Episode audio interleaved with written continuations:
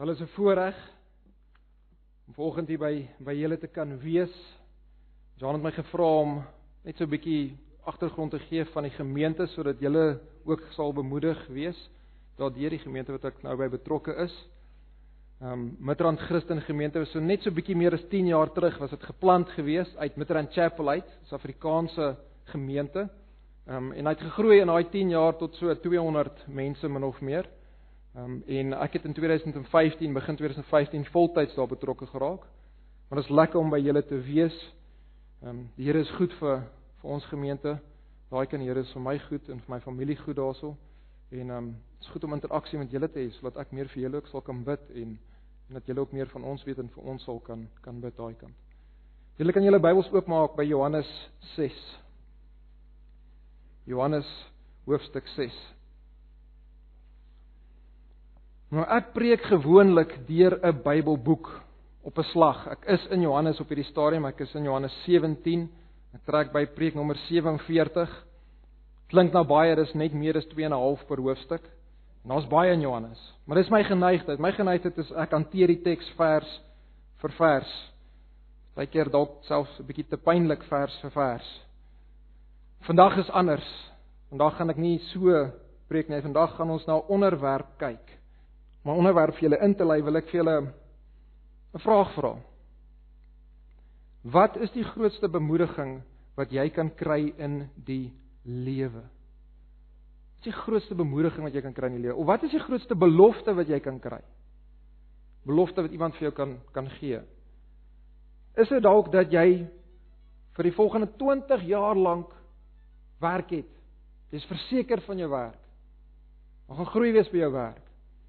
Of 'n ander belofte, dalk dat jy sal lewe tot 'n goeie ouderdom. Dalk nog 'n belangriker belofte dat jy sal getrou bly aan jou vrou en jou vrou sal getrou bly aan jou. Van daai belofte? Of wat van 'n ander ene dat jy baie kleinkinders gaan sien eendag? Dit is als goeie beloftes. Maar wat as jy 'n belofte het dat jy nooit sal verlore gaan nie? Dat jy nooit sal verlore gaan nie. Wat as jy 'n belofte dat jy vir altyd sal lewe? Wat as jy 'n belofte dat jy getrou sal bly aan God tot die einde toe?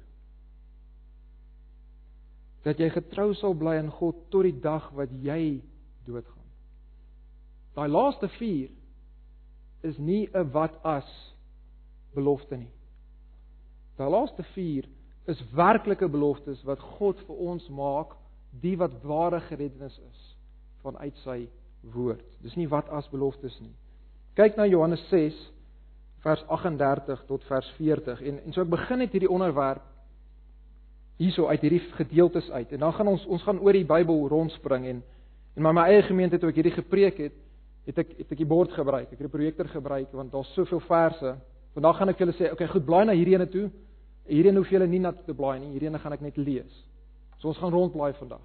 Kyk na Johannes 6 vers 38 tot 40. Jesus sê hierso, en hy praat hierso en hy sê wat ek uit die hemel want ek het uit die hemel neergedaal nie om my wil te doen nie, maar die wil van hom wat my gestuur het. En dit is die wil van die Vader wat my gestuur het, dat al wat hy my gegee het, ek daarvan nie sal verloor nie, maar dit opwek in die laaste dag. En dit is die wil van hom wat my gestuur het, dat elkeen wat die seun aanskou en in hom glo, die ewige lewe mag hê en ek sal hom opwek in die laaste dag. En kyk nou na vers 44. Niemand kan na my toe kom as die Vader wat my gestuur het hom nie trek nie en ek sal hom opwek in die laaste dag. Kom ons sluit ons oë en ons bid en ons vra God om ons te help om hierdie waarhede te verstaan vanuit sy woord uit.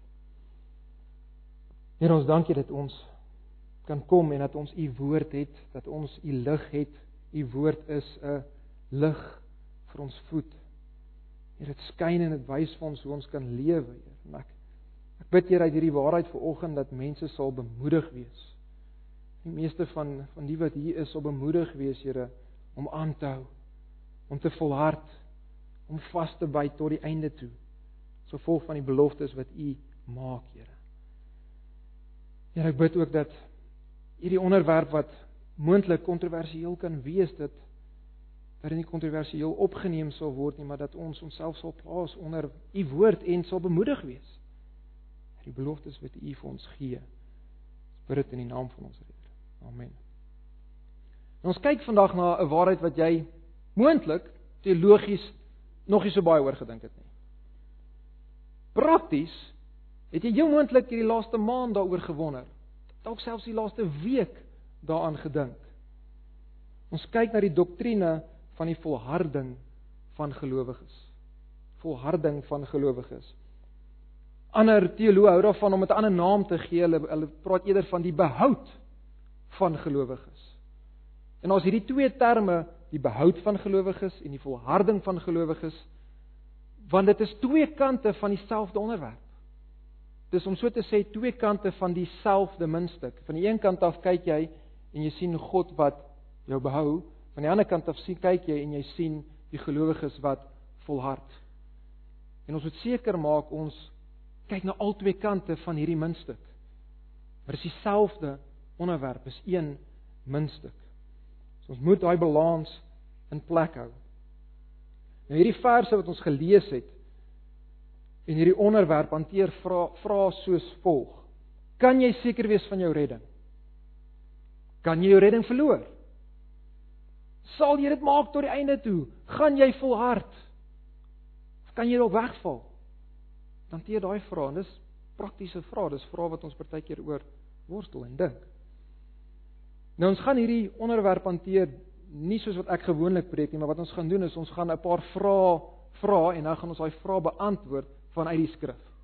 So ek gaan 'n vraag vra en dan gaan ons kyk na klomp kruisverwysings om te kyk wat sê die woord oor daai vraag. So ons ons opskrif vir vandag is 'n studie oor die behoud en volharding van gelowiges. 'n Studie oor die behoud en volharding van gelowiges. En hier is my lys van vrae.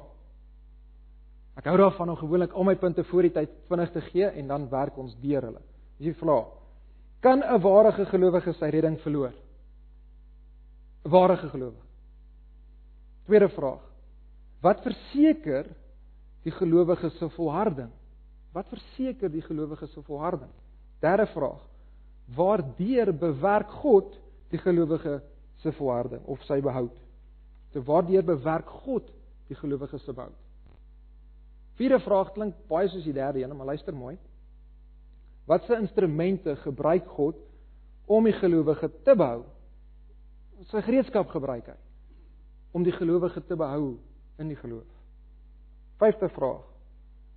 Maar wat van gelowiges wat weggeval het? Mense wat ons ken. Wat van hulle dan? En sesde vraag is wat is ons verantwoordelikheid dan? Wat moet ons met hierdie waarheid dan doen? Dis wat ons vandag nog gaan kyk. So die eerste vraag, kan 'n ware gelowige sy redding verloor? Nou toe ek 'n paar maande terug hierdie hanteer het, toe ek in Johannes 6 was, het ek hierdie onderwerp gesien en ek het besluit ek gaan hierdie onderwerp gaan bestudeer. En ek was absoluut verbaas oor hoeveel verse daar is wat hieroor praat. Ek het gou net gaan tel na dies wat ek in my voetnote huis het. Ek het 46 verse gekry daai tyd. 21 verskillende gedeeltes van die Bybel. En dis nou net wat ek gekry het in daai week wat ek gekyk het na die onderwerp. Daar is baie verse wat hierdie hierdie hanteer ons kan die res van die dag hier wees. Maar kom ons begin hierso in Johannes 6 vers 39. Kyk na vers 39. En en ek lees nou uit die 83 vertaling. Hierdie ene van my wat ek vroeër gelees het, is die ou vertaling, die 53 vertaling. Um, ek haal hierdie ene nou net uit die 83 uit want hy's bietjie duideliker in hierdie gedeelte. So Johannes 6 vers 39. Dit sê en dit is die wil van hom wat my gestuur het van die Vader dat ek van almal wat hy vir my gegee het nie een verlore sal laat gaan nie maar hulle almal op die laaste dag uit die dode sal laat opstaan. Vraag: Hoeveel van die wat die Vader aan Jesus gegee het sal verlore gaan? Die teks antwoord: nie een nie. So elkeen wat die Vader aan Jesus gegee het om te hou, sal hy hou. So nie een van die wat Jesus aan Jesus gegee word deur die Vader sal verlore gaan. Dis dis wat die teks sê. Nou ons kan 'n ander vraag vra. Hoeveel van die wat die Vader aan Jesus gee, sal Jesus uit die dode laat opstaan? Hoeveel van dies wat hy gegee het aan hom gaan hy uit die dode opstaan aan die laaste dag? Die teks antwoord hulle letterlik die woorde is hulle almal. Hulle almal. Ek dink die teks is is redelik duidelik. Nie een gaan verlore gaan nie, almal gaan opgewek word wat gegee word aan Jesus. Blaai nou na Johannes 10 toe. Johannes 10, baie bekende gedeelte. Jesus, die goeie herder, En hy sluit daai gedeelte af in vers 27. Johannes 10 vers 27. Vers 28 en vers 29. Vers 27 sê Jesus: My skape luister na my stem. En ek ken hulle en hulle volg my. En ek gee hulle die ewige lewe en hulle sal nooit verlore gaan tot in ewigheid nie. En niemand sal hulle uit my hand ruk nie. En as dit nie genoeg is nie, dan gaan Jesus nog aan. Kyk na vers 29. My Vader wat hulle aan my gegee het, is groter as almal en niemand kan hulle uit die hand van my Vader ruk nie. So ons kan vra, wanneer sal een van Jesus se skape verlore gaan? Die teks antwoord nooit tot in ewigheid nie. En daai is die die die Grieks hier is verskriklik sterk. Dit is 'n dubbel negatief. Een teoloog vertaal dit so, is in Engels, they shall not repeat shall not ever perish in the slightest way. Dis die idee van die Grieks daar. Dis wat Jesus daar sê. Ons kan ook vra wie kan Jesus se skape uit sy hand of uit die Vader se hand ruk? Wie kan dit doen? Jesus antwoord: Niemand. Hy sê niemand sal hulle uit my hand ruk nie. Niemand sal hulle uit die hand van my Vader ruk nie. Ek dink Jesus is duidelik hierso. Dit is baie duidelik. En dit is nie net Jesus in Johannes nie. Dis nie net asof dit hierdie onderwerpie is wat net hierdie een plekkie is nie. Net in Johannes nie. Kyk wat skryf Paulus, blaai na Romeine 8 toe. Ons gaan 'n paar verse hanteer in Romeine 8.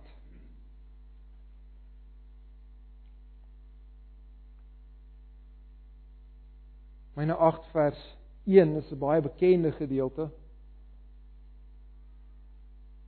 Dit sê daar is dan nou geen veroordeling. Geen veroordeling vir die wat in Christus Jesus is. Hoeveel veroordeling is daar? Geen. Dis wat die teks antwoord. Vir wie? Ons moet vra vir wie? Vir die wat in Christus Jesus is. Is daar geen veroordeling nie.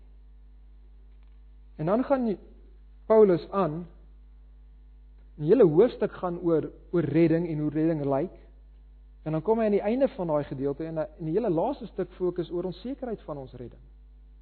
En ons en hy het 'n baie bekende stuk in vers 28. So kyk na vers 28, ons ken hierdie. Sê ons weet dat vir hulle wat God liefhet, alles ten goeie meewerk vir hulle wat a sy voorneme geroep is. So God werk alle dinge ten goeie mee vir sy kinders. Vir die wat na sy voorneme geroep is. Hoe weet ons dat God alle dinge ten goeie mee werk vir sy kinders? Wat antwoord Paulus in hierdie teks? Het jy al ooit gesien dat vers 29 begin met 'n want? Kyk mooi. Hy gee vir ons 'n stelling. God werk alle dinge ten goeie mee vir sy kinders Hoe kan ons dit weet? Want vers 29 en dan lees nou van 29 aan, want die wat hy van tevore geken het, dis daai selfde groep, die het hy ook van tevore verordeneer om gelykvormig te wees aan die beeld van sy seun. Hy van die begin af gekies dat ons soos Jesus sal word. Dis die goed. Dis wat hy besig om te bewerk in jou lewe as jy Christen is, deur alles. En dan gaan hy aan sodat hy, dis Jesus, die eersgebore kan wees onder baie broeders. Vers 30. En die wat hy van tevore verordeneer het, so lank terug in geskiedenis, het hy hulle al gekies en was hy besig om te werk vir hulle goed. Daai groep, die het hy ook geroep in tyd. Hy gekom en jou geroep. En die wat hy geroep het, die het hy ook geregverdig by die begin van jou redding. Dit het al reeds gebeur. En dan sê en die wat hy geregverdig het, die het hy ook verheerlik. Nou spring hy tot in die toekoms in. Verheerliking. So jy kan weet God is besig om alles ten goeie mee te werk vir jou as jy 'n gelowige is, want hy het van die begin af dit gedoen. Hy het jou uitverkies om soos Jesus te word. Hy het dit al in jou geskiedenis gedoen, hy het jou geroep, hy het jou geregverdig en in die toekoms doen hy dit. Hy verheerlik jou. Natuurlik gaan hy in hierdie tussentyd dit ook doen. Dis die logika hierso. Dis die struktuur van hierdie gedeelte. Ons kan weet hy werk alle dinge ten goeie mee want hy het dit tog altyd gedoen, hy gaan dit vir altyd doen vir die wat vir hom lief is, die wat hy uitget kies het. En ons kan hierso vra, wie gaan God verheerlik? Wie gaan hy verheerlik? En die antwoord van die teks is die wat hy geregverdig het. So as jy die teks van agter af terugwerk en jy sê hierdie is die groep wat hy nou verheerlik het, dis dieselfde groep wat hy geregverdig het en wat hy geroep het en wat hy uit uitget kies het in die begin. So die wat hy geregverdig het, is die wat hy gaan verheerlik. So almal wat God geregverdig het, hulle gaan verheerlik word.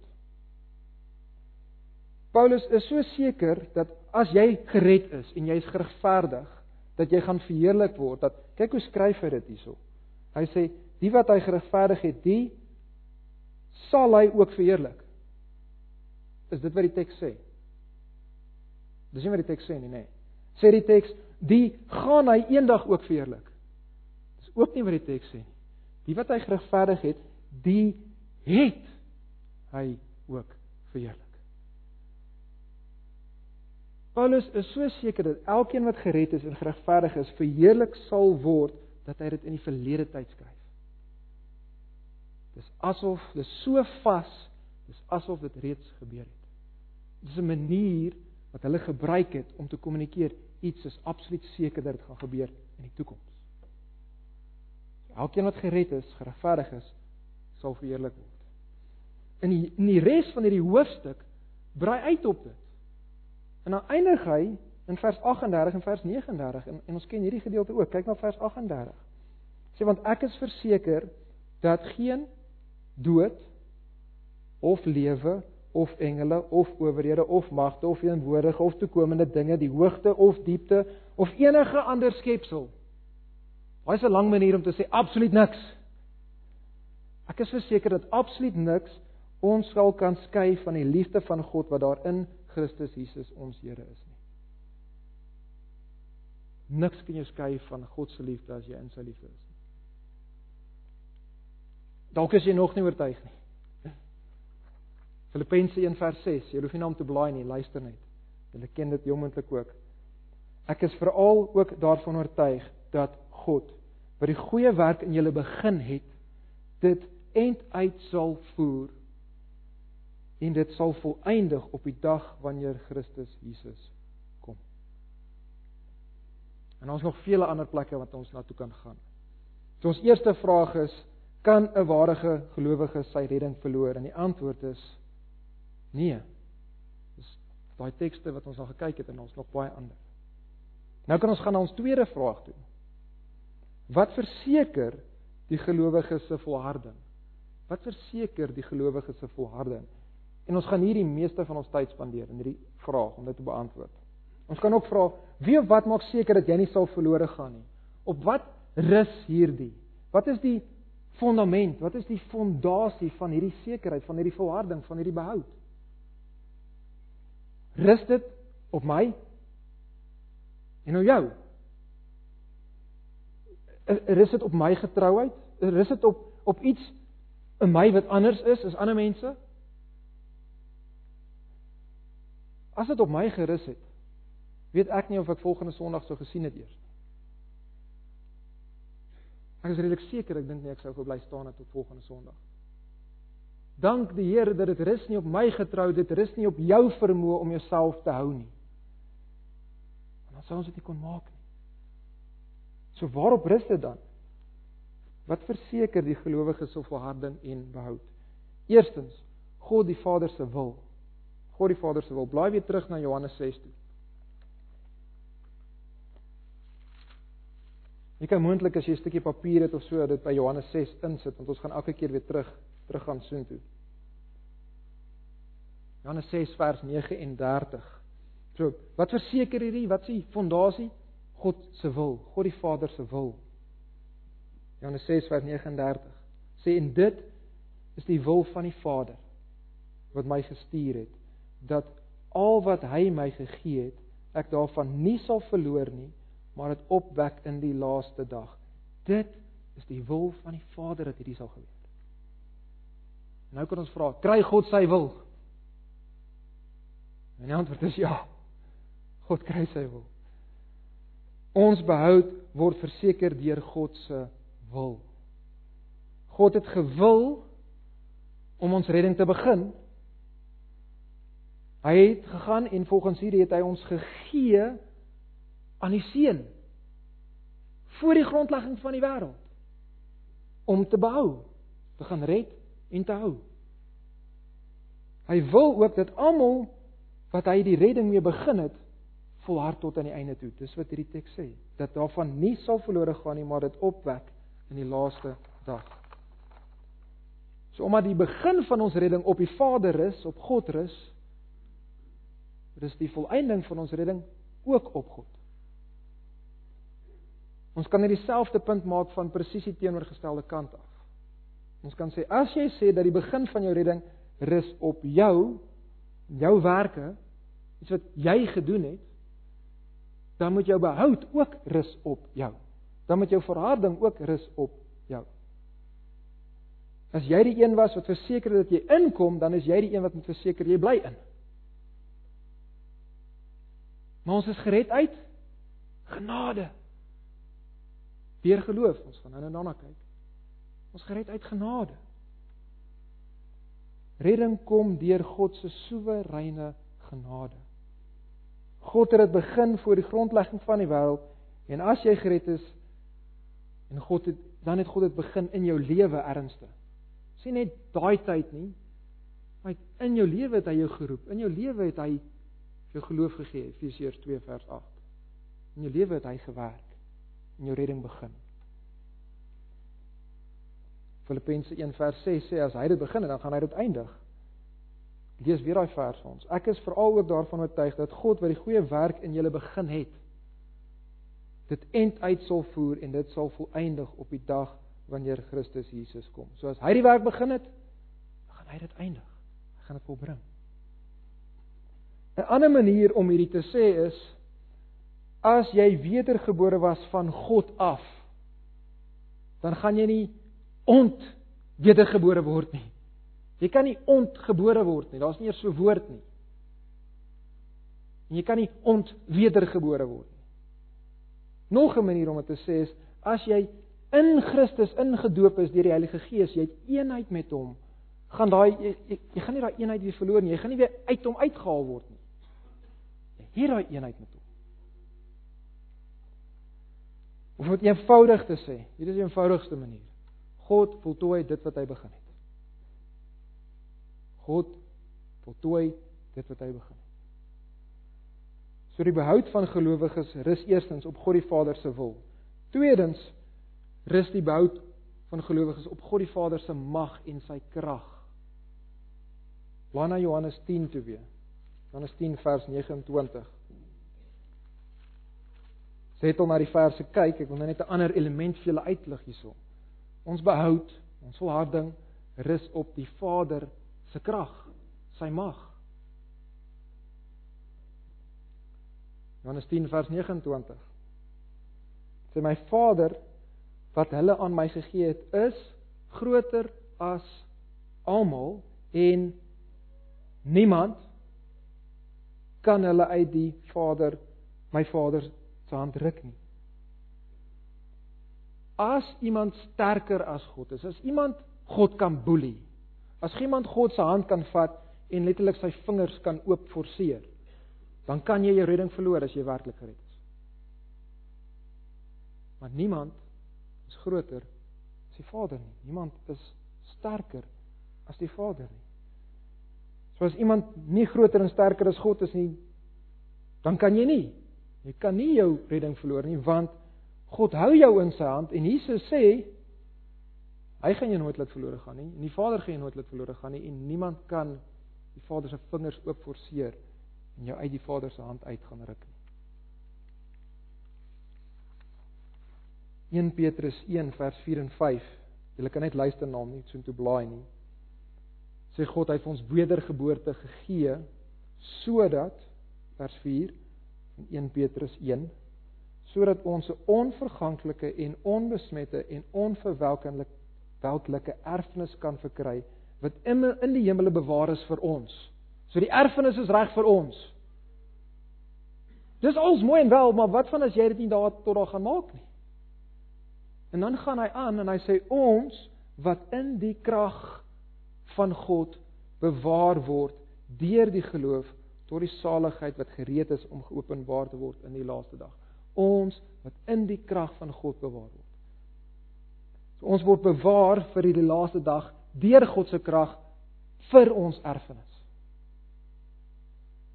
Ek is oortuig en ek hoop jy is ook oortuig dat God het die mag en die krag om jou te kan bewaar, jou te kan hou. So ons volharding rus op die Vader se wil eerstens en tweedens die Vader se krag, die Vader se mag. Ons volharding rus ook op Jesus se gehoorsaamheid aan die Vader. Wie in Johannes 6 vers 38 en vers 39. Luister wat sê hiersoos weer 'n keer hierso. En dit is die wil van die Vader wat my gestuur het dat al wat hy my gegee het ek daarvan nie sal verloor nie, maar dit opwek in die laaste dag. Die Vader gaan en hy gee die opdrag aan die seun. Hy gee hulle aan die seun. Hy sê vir die seun: "Bewaar hulle. Hou hulle tot die laaste dag." As Jesus ongehoorsaam aan die Vader kan wees, dan kan jy dus jou redding verloor. Maar as Jesus gehoorsaam is aan God die Vader, dan moet hy daai opdrag doen. Hy moet dit uitvoer. Ons kan vra is Jesus altyd gehoorsaam aan die Vader? Nie my wil nie. U wil. Hy is altyd gehoorsaam aan die Vader. Hy is selfs gehoorsaam in hierdie gedeelte aan die Vader. Ons weet dit want hy sê in Johannes 17 vers 12 bid Jesus en hy sê toe ek saam met hulle in die wêreld was, die disippels, die apostels spesifiek, het ek hulle bewaar in u naam bewaar oor die wat U my gegee het, het ek gewaak en nie een van hulle het verlore gegaan nie. En nou kan iemand opspring en sê, "Wat van Judas?" Hy was een van die 12. En Jesus sê so behalwe die seun van die verderf sodat die skrif vervul sou word. Judas was van die begin af nie ware gelowige nie, hy het nie werklik geglo nie. Die Vader het aan die seun gesê: "Hou hulle tot die einde toe." En Jesus antwoord: "Ja, Pa, ek sal." En hy gaan. Hy gaan almal wat die Vader aan hom gee, hou tot die einde toe. Hierdie moet bemoedigend wees vir ons. Moet ons opgewonde maak. So as Jesus ongehoorsaam is aan die Vader, dan kan ons, dan kan werklike gereddenis hulle redding verloor. Andersins nie en ons weet hy is gehoorsaam aan die Vader. So dit rus op die Vader se wil en krag, dit rus op Jesus se gehoorsaamheid aan die Vader. Blaai na myne 8 toe weer. Myne 8 en hier sien ons nog twee areas waarop dit rus. Twee dinge waarop hierdie volharding rus in 8 vers 33 en vers 34. In 8 vers 33 sê wie sal beskuldiging inbring teen die uitverkorenes van God? Wie kan vir God sê jou kinders is skuldig? God is dit wat regverdig maak. God het dan verklaar jy's reg. Wie gaan God sê jy lieg? Hulle is nie reg met jou nie. Niemand nie. Vers 34. Wie is die wat verorden veroordeel? Wie is die een wat veroordeel? Johannes 5 sê al die oordeel is aan die seun gegee, aan Jesus gegee. Christus sê hy hierson hierdie teks is dit wat gesterf het. Ja, meer nog wat opgewek is, wat ook aan die regterhand van God is, wat ook vir ons intree. So Jesus het gesterf, opgestaan, hy tree vir ons in. Ons behoud rus op Jesus se voltooide werk. Rus op sy voltooide werk. Jesus het klaar die prys betaal vir sonde. Op die kruis het Jesus uitgeroep, dit is volbring. Maar hy het nie gesterf nie, hy het ook opgestaan uit die dode uit. Met die opstanding is dit asof die Vader uitroep, dit is volbring. Jy hoef nie meer in die graf te wees nie. Jy mag opstaan. Dit is volbring, die werk is klaar, die prys is betaal. Ons behoud rus op Jesus se voltooide werk. Dit wat hy reeds gedoen het in die verlede. Maar dit rus nie net op dit wat hy in die verlede gedoen het nie, dit rus op dit wat hy nou doen. Kyk na die einde van vers 34. Dit sê wat ook opgewek is, wat ook aan die regterhand van God is, wat ook vir ons intree. Jesus wat op hierdie oomblik vir ons intree by die Vader, verseker dat ons sal bly staan. Ons gaan nie wegval nie. So dit rus nie net op Jesus se werk in die verlede nie, dit rus ook in sy op sy werk nou wat nou vir ons intree by die Vader. Hebreërs 7 vers 25. Hoef nie te blaai nie, luister net na hom. Sê daarom kan hy ook volkome red. Jou redding klaar maak en daai is in die Grieks oh, net so sterk. Hy kan volkome red die wat hom wat deur hom tot God gaan. Hoekom? Omdat hy altyd leef om vir hulle in te tree. Jesus gaan nooit weer sterf nie. Hy sit aan die regterkant van die Vader. Hy tree vir ons in. Daarom kan hy ons volkome red. Jesus sê basies aan die Vader: "Daai ene het jy vir my gegee. Daai ene het ek die prys voor betaal. Dit is volbring sy straf. Dit is klaar. Daai ene bewaar ons. Daai ene hou ons. Hy's ons. Hy tree in vir ons. So ons behou ons volharding rus op die Vader se wil, die Vader se krag, Jesus se gehoorsaamheid aan die Vader en Jesus se werk. Voltooide werk, dit in die verlede en sy werk nou en selfs sy werk in die toekoms. Hy gaan ons eendag opwek uit die dode uit. Laastens, laaste punt wat ek net wil uitlig waarop dit rus, is dit rus ook op die Heilige Gees. Die Heilige Gees as die seël van ons redding. Dan Efesiërs 1 vers 13 en 14. Efesiërs 1 vers 13 en 14.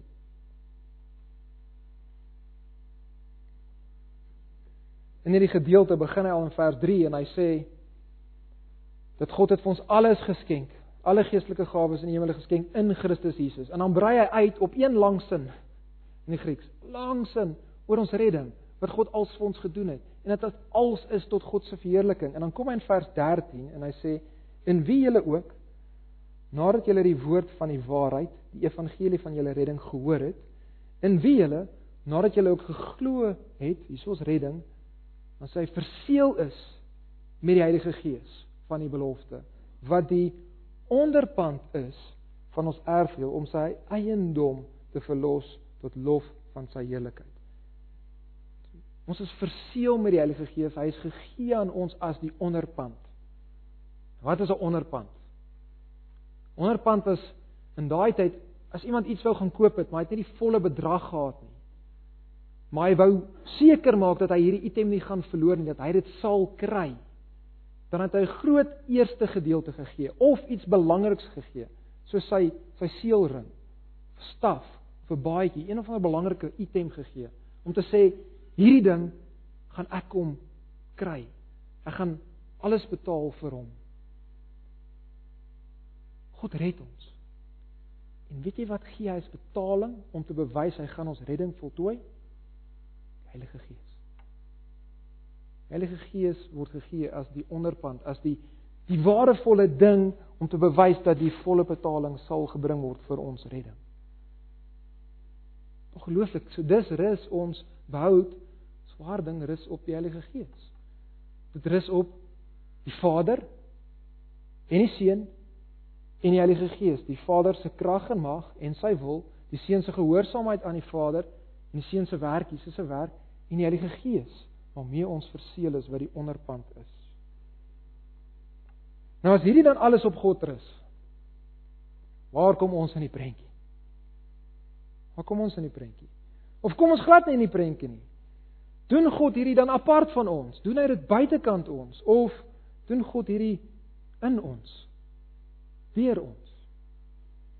En dis ons derde vraag wat ons nou wil kyk en die tweede een is lank, van hier af beweeg ons vinniger deur die die vraag. Ons derde vraag is waardeur bewerk God die gelowiges se bout? Waardeur? Hoe doen hy hierdie? Ons kyk na 1 Petrus en jy kan nou blaai na na wel ja, blaai na 1 Petrus um, 1 toe. 1 Petrus 1. Die van julle wat nog blaai. Ons is op verskillende klomp plekke. 1 Petrus 1 vers 5. Ons kan begin by vers 4. Sodat ons 'n onverganklik onbesmette onverwelklike erfenis kan verkry wat in die hemel bewaar is vir ons en dan sê ons wat in die krag van God bewaar word, hoe deur die geloof. Ons word bewaar deur die geloof tot die saligheid wat gereed is om geopenbaar te word in die laaste tyd. So die krag van God werk in en deur ons geloof sodat ons bewaar word. So God bewaar ons deur geloof. God werk deur ons geloof om ons tot aan die einde te bring. God se krag werk in ons. Van die binnekant af hou dit ons. Hy ons nie net van buitekant af nie, maar van die binnekant af. Kolossense 1 vers 21 tot 23 sê: "Julle het hy versoen in die liggaam van sy vlees deur die dood om julle heilig en sonder gebrek en onberispelik voor hom te stel as julle luister mooi so hy sê hierdie dinge het, het hy reeds gedoen en hy gaan dit nog doen vir ons as julle ten minste gegrond en vas bly in die geloof en julle nie laat afbring van die hoop van die evangelie so God hou ons deur ons wat in die geloof bly Nou dit beteken nie dat 'n gelowige nooit sal val nie, nooit sal sondig nie. Dit beteken wel dat wanneer 'n gelowige in sonde val, dan gaan God en God werk so in ons dat ons elke keer sal opstaan. Elke keer sal aanhou glo, elke keer ons sonde sal bely en sal aangaan. Ons val nie weg nie. Ons val in sonde en ons verander, ons groei. Staan weer op deur God wat dit gedoen het. Matteus 24 vers 12 en 13 sê: Omdat die geregtigheid vermeerder word in daai laaste dae, sal die liefde van die meeste verkoel. En dan sê hy: Maar wie volhard tot die einde toe, hy sal gered word. God se krag, Jesus se intrede, die Gees se werk in ons stel ons in staat om te volhard tot die einde toe. Ons kan dit so opsom en hierdie is 'n hierdie is 'n belangrike stukkie hierdie frase wat ek nou gaan sê, luister mooi. Sê God behou ons deur ons volharding wat hy in ons bewerk. God behou ons deur ons volharding wat hy in ons bewerk. Elkeen wat begin het met ware reddende geloof sal aanhou in daai geloof. So as jy werklik gered is, dan gaan jy aanhou. God gaan jou help om te volhard en aan te hou. Hy gaan dit deur jou en in jou doen. Nou is die vraag wat jy moet vra in jou kop, is ek werklik gered?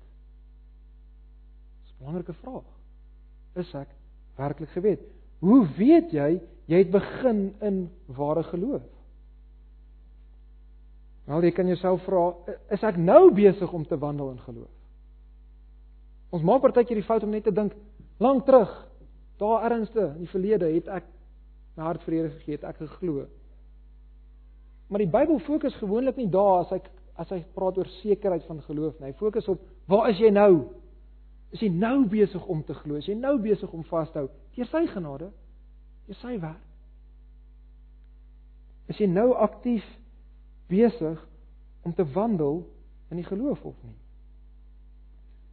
As jy nie nou aktief besig is om te glo en te wandel in die geloof nie, dan is dit jou moontlike bewys dat jy nooit eers begin het nie. As jy nie nou in die pad is nie, dan en hierdie pad is een wat as jy in hom ingeklim het, gaan hy tot by die einde. Dit beteken jy het nooit in hom ingeklim nie. Nooit in die begin van daai pad nie. Jy ken die boom en sy vrugte. So die vrugte is nie dan sit nie daai tipe boom nie. So jy die vraag is het jy wedergeboorte vrugte wat wys jy's 'n wedergeboorte boom of nie? So as jy nie nou in Paulus se woorde wat hy daar gebruik het in 1 Kolossense gegrond en vas bly in die geloof nie, dan is dit bewys dat jy heelmoontlik nooit begin het nie. So ons kan nie met hierdie waarheid sê o, so omdat God my kan hou en God sal my hou, dan kan ek maar sondig. En ek kan nou maar net leef soos ek wil nie want hy gaan ons my hou. Nee, daai tipe van gedagtes bewys juist dat jy's nie gered nie. Iemand wat gered is, het 'n begeerte om te groei en te verander, gehoorsaam te wil wees. Hierdie waarheid bemoedig nie sonde nie. Hierdie bemaarheid bemoedig nie sonde nie, dit bemoedig volharding.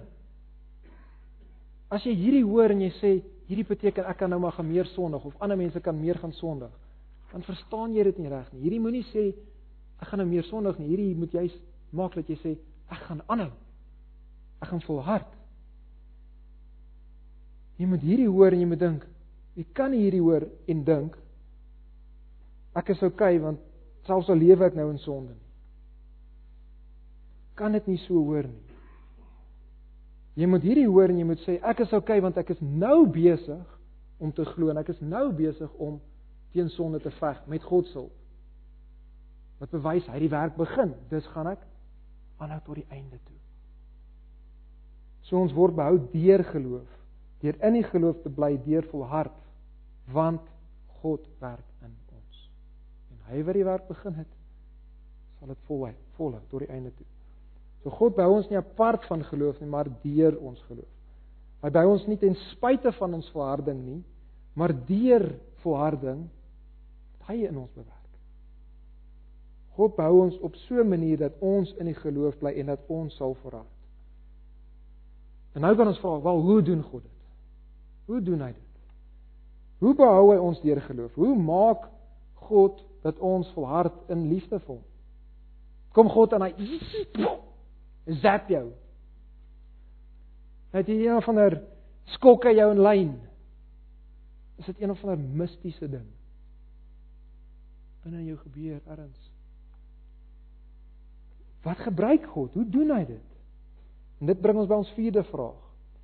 Watse instrumente gebruik God om gelowiges te bou? Watse instrumente gebruik hy? Nou natuurlik werk God deur die Heilige Gees in ons. Dis hy wat vir ons die krag gee. Ons kan ons redding uitwerk want dit is God wat in ons werk die Heilige Gees. Maar God werk ook deur instrumente om jou te help om te volhard tot die einde toe. God gebruik gereedskap in hierdie werk. Nou ons kan die hele Nuwe Testament basies vat en goed uit die Ou Testament en dis alles wat God gebruik. Ek gaan net 'n paar uitlig, paar op fokus.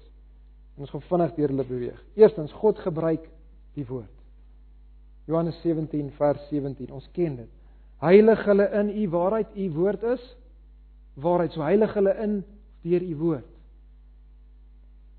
En daar is baie verskillende waarhede, tipe van waarhede in God se woord. Daar's stellings van waarheid, indicatives. Waar God sê, hierdie is wat ek vir jou gedoen het. En dit bemoedig ons, né? Nee? As jy sien dit wat God vir jou gedoen het, dit bemoedig jou om te volhard bemoedig jou om gehoorsaam te leef. Dan is daar ander stellings wat instruksies is. Jy moet so lewe, jy mag nie dit nie. Imperatives, opdragte.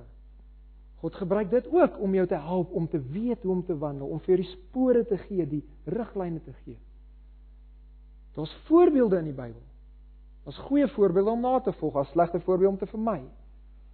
Maar dan is daar nog een afdeling van van instruksie in die Bybel en dit is belangrik om hulle in, in hierdie onderwerp te hanteer. En dit is waarskuwings. Daar's gedeeltes in die Bybel wat waarskuwings gee van wees versigtig dat sonde jou nie gaan verhard en jy wegval nie. Hebreërs 3 vers 12 en 13. Waarskuwings soos in Hebreërs 6. Nou daai waarskuwings, daai gedeeltes, as jy hulle net lees, dan dink dit dit lyk vir jou asof gelowiges kan hulle redding verloor. Hoekom waarsku hy hulle? Dit lyk dan asof gelowiges hulle redding kan verloor. Maar vir 'n ware gelowige is daai waarskuwings nie dis nie daar om ons te wys ons kan ons redding verloor nie. Dis juist daar om ons te help om te sê hier's goeders waarvoor ons moet versigtig wees en wegbly en daarom volhard ons. Daai waarskuwings word gegee sodat ons sal wegbly van daai dinge af en volhard tot aan die einde toe. So God gebruik al hierdie tipe van instruksies om ons te bemoedig ons aan te spoor, ons ons rigting te gee sodat ons sal volhard. Hierdie waarskuwings help ware gelowiges om te volhard. Dit sê nie vir ons dat gelowiges hulle redding kan verloor nie. So God gebruik eerstens, ons instrumente gebruik hy, die woord. Tweedens, gemeente. Gebruik die mense om jou in hierdie gemeente. Efesiërs 4 vers 11 tot 13. Ek gaan dit net lees. En hy gee sommige as apostels en ander as profete en ander as evangeliste en ander as herders en leraars. Wat is die doel? Om die heiliges toe te rus vir hulle dienswerk. Vir dit wat julle as 'n gemeente moet doen. Tot opbouing van die liggaam van Christus totdat ons luister na hierdie woorde almal kom tot die eenheid van die geloof en van die kennis van die seun van God tot 'n volwasse man dat ons sal volhard en by volwassenheid sal uitkom. Hy gebruik die gemeente. So God gebruik sy woord en hy gebruik die gemeente. Hy gebruik julle geestelike leiers. Paulus skryf in Galasiërs 4 vers 19. Hy sê nou hierdie so mooi woorde. Hy sê my kinders, vir wie ek weer in baringsnood is. Man wat praat van baringsnood. Totdat Christus in julle gestalte verkry het. Dis dis die doel van geestelike leiers is om te werk sodat die mense soos Christus sal word. Hy gebruik die woord gebruik gemeente hy gebruik julle leiers, julle ouderlinge. Hy gebruik ook moeilike omstandighede. Wanneer Romeine 5 Romeine 5 vers 3 tot 5 toe. Hierdie is, is een van die bemoedigendste gedeeltes in in die Bybel vir my. Myne 5. Vers 3 tot 5. Hy het in vers 1 gesê dat ons wat nou geregverdig is, ons het hierdie vrede met God en dan sê hy ons roem in hierdie heerlikheid wat vir ons kom, hemel, ewige lewe. Wonderlik, ons kan verstaan hoekom ons daarin sal roem. En dan kom hy vers 3 en hy sê en nie alleen dit nie, nie net hierdie heerlikheid wat kom nie, maar ons roem ook in die verdrukkinge. Wat? Moeilike omstandighede? So bly ons daarself in, ons ons roem hier in. Ja, hoekom? Omdat ons weet dat die verdrukkinge lydsaamheid bewerk, geduld bewerk. En die lydsaamheid beproefdheid. Beproefdheid van jou geloof. So moeilike omstandighede kom in met God se krag groei jy daardeur en dit bewys jy het egte geloof, jy het beproefde geloof. As jy dit het, wat is die volgende stap? Die beproefdheid hoop. Want die hoop beskaam nie. As jy deur moeilike omstandighede gaan en jy groei daardeur, dan sien jy God het die werk begin. En as hy die werk begin het, die hoop beskaam nie. Hy gaan dit tot die einde toe volhou. So moeilike omstandighede dryf ware gelowiges nie weg van God af nie. Dit dryf hulle na God. Dit help hulle om te volhard. Dit gee hulle hoop. So God gebruik die woord. Hy gebruik gemeente, hy gebruik geestelike leiers en hy gebruik moeilike omstandighede. Laaste ene. God gebruik tugtiging. Die kinders pak sla. Jou ouers gebruik pak sla om jou te vorm nê, nee, om jou karakter te vorm en jou te leer. Maar God die Vader gebruik ook pak sla met sy kinders. Hebreërs 12 vers 7, 8 en vers 11. Dit sê as julle die tugtiging verdra, behandel God julle as seuns, as kinders. Want watter seun is daar wat die vader nie tugtig nie? Enige van julle seuns ooit nog weet enige van julle seuns wat nog nooit pak gekry het by julle pa nie? Skryf pak sla as ons werklik kind is. Watter seun is daar wat die vader nog nie getugtig nie? Maar as jy sonder tugtiging is, wat almal deelagtig geword het, dan is jy onegte kinders en nie seuns nie. En dan sê in vers 11: Nou lyk elke tugtiging of dit op die oomblik nie 'n saak van blydskap is nie. Jou kind sê nie gewoonlik: "Epie pappa, ek gaan pak slaag kry nie." Dit's nie op die oomblik 'n saak van blydskap nie, maar van droefheid. Luister mooi. Later lewer dit egter 'n vredevolle vrug van geregtigheid. En dan sê hy vir die wat daardeur geoefen is. Ware gelowiges word geoefen deur tugtiging. Volhard deur daai tugtiging. So God gebruik instrumente, hy gebruik die woord, hy gebruik die gemeente, hy gebruik geestelike leiers, hy gebruik moeilike omstandighede en hy gebruik tugtiging om jou te help om te volhard. En eintlik is daar nog een, ja, maar ek het nie ver genoeg afgekyk nie. Daar's nog eenetjie. God gebruik jou sweet. Jou sweet, nie jou fisiese sweet nie. Jou arbeid, jou werk, die moeite wat jy insit om jou geloof uit te werk. Filippense 3 vers 12 tot 14 skryf Paulus hierdie. Hy sê: "Nie dat ek dit al verkry het of al vermaak is nie, nie dat ek al daar is waar ek wil wees by heiligheid nie, maar ek jaag daarna Hoekom? Ek jaag daarna of ek dit ook kan gryp. Hy wil dit aangryp. Hy hardloop agter hierdie ding aan. Omdat ek ook deur Jesus gegryp is. God het die werk begin, daarom sal ek dit wil doen. Vers 13 van Filippense 3 vers 13. Broeders, ek reken nie dat ek self dit gegryp het nie. Maar een ding doen ek, ek vergeet die dinge wat agter is Ek strek my uit na wat voor is. Ek jaag na die doel om die prys te kry van die hoë roeping van God in Christus Jesus. Daar is baie sweet in daai verse. Ons werk in daai verse. God behou jou nie apart van jy wat self jou redding uitwerk nie. Hy werk dit in jou, hy werk dit deur jou. God behou jou deur volharding, deur jou werk en in jou te werk sodat jy dit sal uitwerk. So God gebruik al hierdie dinge as instrumente om ons te help om te volhard. En nou kom ons by ons vyfde vraag. Maar wat van gelowiges wat weggeval het? Wat van gelowiges wat weggeval het?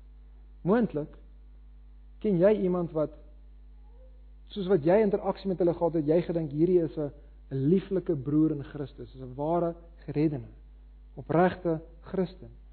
Maar nou is hulle geloof dalk of baie flou of hulle het heeltemal aktief God verwerp. Bewys dit nie dan dat gelowiges hulle redding kan verloor nie? Ons moet hanteer. Maar eerstens moet moet ek en jy ons moet erken dat ons vermoë om iemand anders se redding te evalueer is nie so goed as ons dink dit is nie. Ons ons kan nie so absoluut seker wees daaroor nie. Dis ons ervaring en ons moet altyd gaan en ons kyk na wat God se woord sê en ons sit ons ervaring onder God se woord.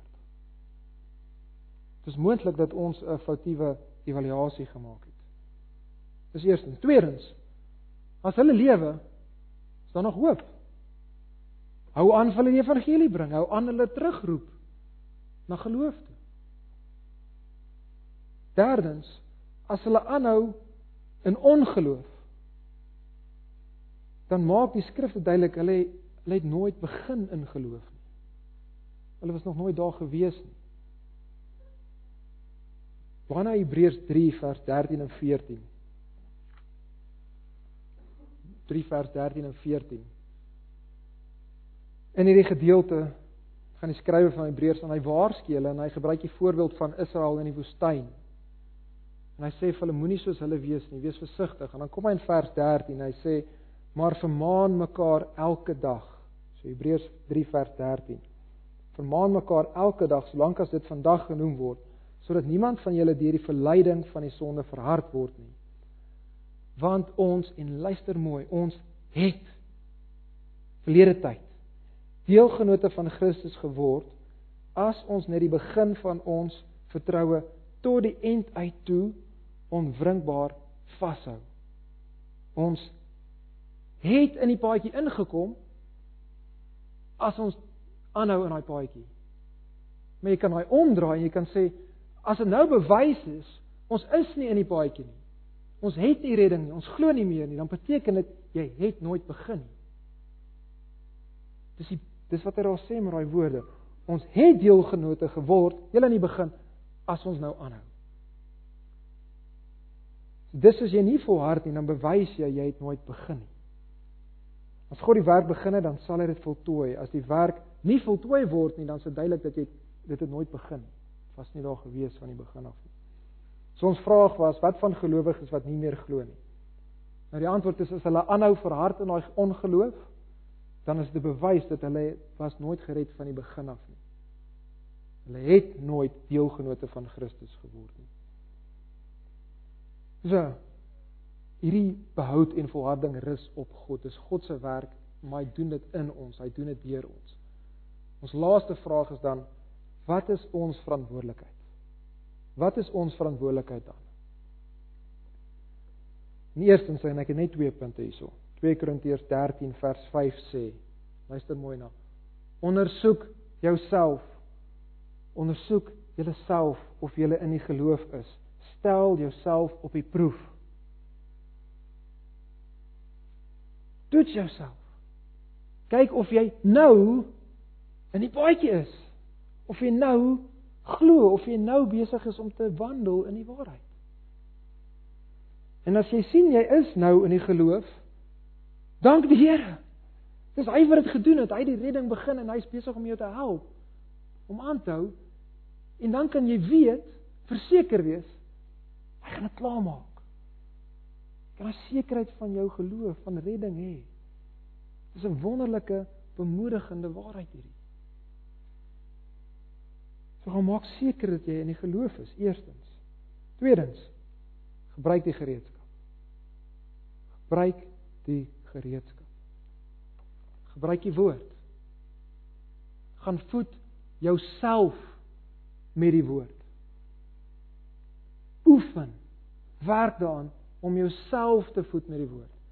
Jy weet iemand wat kom rits hardloop en hardloop al verby die waterstalletjie en hy sien al die ander ouens hier water drink, maar hy drink dit nie self nie. Gaan hy dit maak tot aan die einde? Hy kan selfs hoor die ander ouens sê, "Sjoe, dit is wonderlik om hierdie water in te neem, dit help my." Maar as hy dit nie self inneem nie, dan gaan hy dit nie maak tot by die einde nie. Ek wil julle bemoedig, dis goed, stel jouself bloot aan aan prediking. Stel jouself brood aan soveel Bybelstudies as wat jy kan waar jy woord kan kry. Maar jy moet jouself ook voed. Jy moet ernstig daai water self vat en dit self drink. Jy moet self die woord gebruik. So eerstens, gebruik die instrumente, gebruik die woord. Tweedens, die gemeente. Gebruik elke geleentheid wat jy kan om betrokke te raak in die gemeente. By die Bybelstudies, nooi mense in jou huis in, hê daai interaksie. God gebruik ons in mekaar se lewens om ons te help om aan te hou tot die einde toe, te volhard. Laat jou jou herders ook toe om vir jou rigting te gee. Instruksie te gee. So laat hulle toe om jou te help om te volhard. En dan God gebruik moeilike omstandighede. So leer groei word meer volwasse deur moeilike omstandighede. Wanneer enigiets met jou gebeur, dan kan jy so volg dink. Hierdie is 'n ding wat ek lank terug gehoor het by 'n ander prediker. As enigiets met jou gebeur, kan jy eerstens vra, kon God dit gekeer het? En die antwoord is hy kon. Die tweede vraag is, het hy dit gekeer? En die antwoord is, wel hy het nie, ek sit hier nou net. Hier is ek die omstandighede. En die derde een is dus, wel wat wil God het daardeur as hy dit kon gekeer het, hy het gekies om nie te nie want God 'n plan daarmee. Daai plan is dat jy sal volhard. Daai plan is dat jy meer soos Jesus sal word. So in daai omstandighede vra jy nou vir God, hoe moet ek verander? Hoe moet ek meer soos Jesus word in hierdie omstandighede? Hoe wil jy hê, Here, moet ek nou volhard aanhou vashou aan die geloof? So gebruik moeilike omstandighede. Laat God toe om jou te tugtig en word verander deur daai tugtiging. En die laaste een, God gebruik ons sweet. Hy gebruik die moeite, die werk ook wat ons insit deur sy genade. Ons moet werk want God is besig om te werk in ons en hy sal aanhou en hy gaan ons help aangaan tot die einde toe.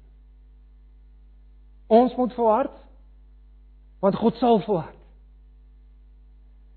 Ek gaan alles insit want ek weet God sê hy gaan alles insit. Hy beloof hy gaan. En ek weet ons gaan suksesvol wees. Daarom gaan ek alles gee. Ons gaan dit maak. Ek saam met God. Jy saam met God. Sit die moeite en sit die werk in. Gebruik die instrumente. So hou aan want hy het dit begin en hy sal dit voltooi. Nou ek hoop regtig dat van julle is bemoedig deur hierdie waarheid, deur hierdie die onderwerp wat ons hanteer het en hierdie vrae wat ons deurgewerk het bemoedig om te sê ek kan sien God werk in my lewe. Ek gaan dit maak tot aan die einde. Ander van julle hoop ek is aangespoor om te sê ek het moet bietjie meer sweet. Bietjie meer werk gaan insit. God is daar, hy is getrou, maar ek was net nie so getrou die laaste ruk. En ander van julle hoop ek gaan dalk nie bemoedig wees nie, maar gaan dalk bekommerd wees. En een ding wat jy werklik kan doen vandag in hierdie gemeente. Dis gaan na 'n ander broer, suster in hierdie gemeente wat jou ken en wat volwasse is en vra vir hulle: "Moet ek deur vandag se boodskap bemoedig wees of moet ek dalk bekommerd wees? Is daar dinge in my lewe wat jy oor bekommer is?" Toets jouself. Ek seker of jy in die geloof is. As jy in die geloof is, wees bemoedig. Hy wat die goeie werk in ons begin het, sal dit volbring, sal dit eindig tot op die dag van Kom ons sluit af in in gebed. Here ons dankie vir u werk, u genade. Here is alsteer genade dat ons kan gered wees. Ons niks beter in ons as as mense in die wêreld nie. Genade Here dat u gekom het en gekies het en dat u Jesus u seun gestuur het. Dat hy vir ons kom leef het, dat hy die prys betaal het dat hy opgestaan het uit die dood en dat dit volbring is, dat sy werk klaar is. Here ons dankie dat U beloof dat U hou ons en niemand is groter as U nie. Here help ons dan as ons as ons weet dat U werk in ons. U sal ons hou tot die einde. Help ons dat ons sal aanhou. Ons sal volhard. Alles sal insit. Dat ons soos Paulus sal wees en onsself sal uitstrek en alles sal inspann om dit te gryp. Vashou nooit geloof te verloor nie. En ons dankie vir hierdie bemoediging. Ek bid vir hierdie gemeente dat hulle met mekaar interaksie oor sal hê en met mekaar sal praat daaroor en mekaar sal bemoedig waar bemoediging nodig is en mekaar sal sal waarsku as daar waarskuwing nodig is, Here. Bid dat U dit sal gebruik om om hulle meer soos U seun Jesus Christus te maak. Ons weet Here, U sal, U sê so. Die wat U liefhet, U besig om alle dinge ten goeie mee te werk sodat ons meer gelykvormig aan Jesus kan wees. Ons dankie Here vir hierdie waarhede. Ons dankie vir U genade. Amen.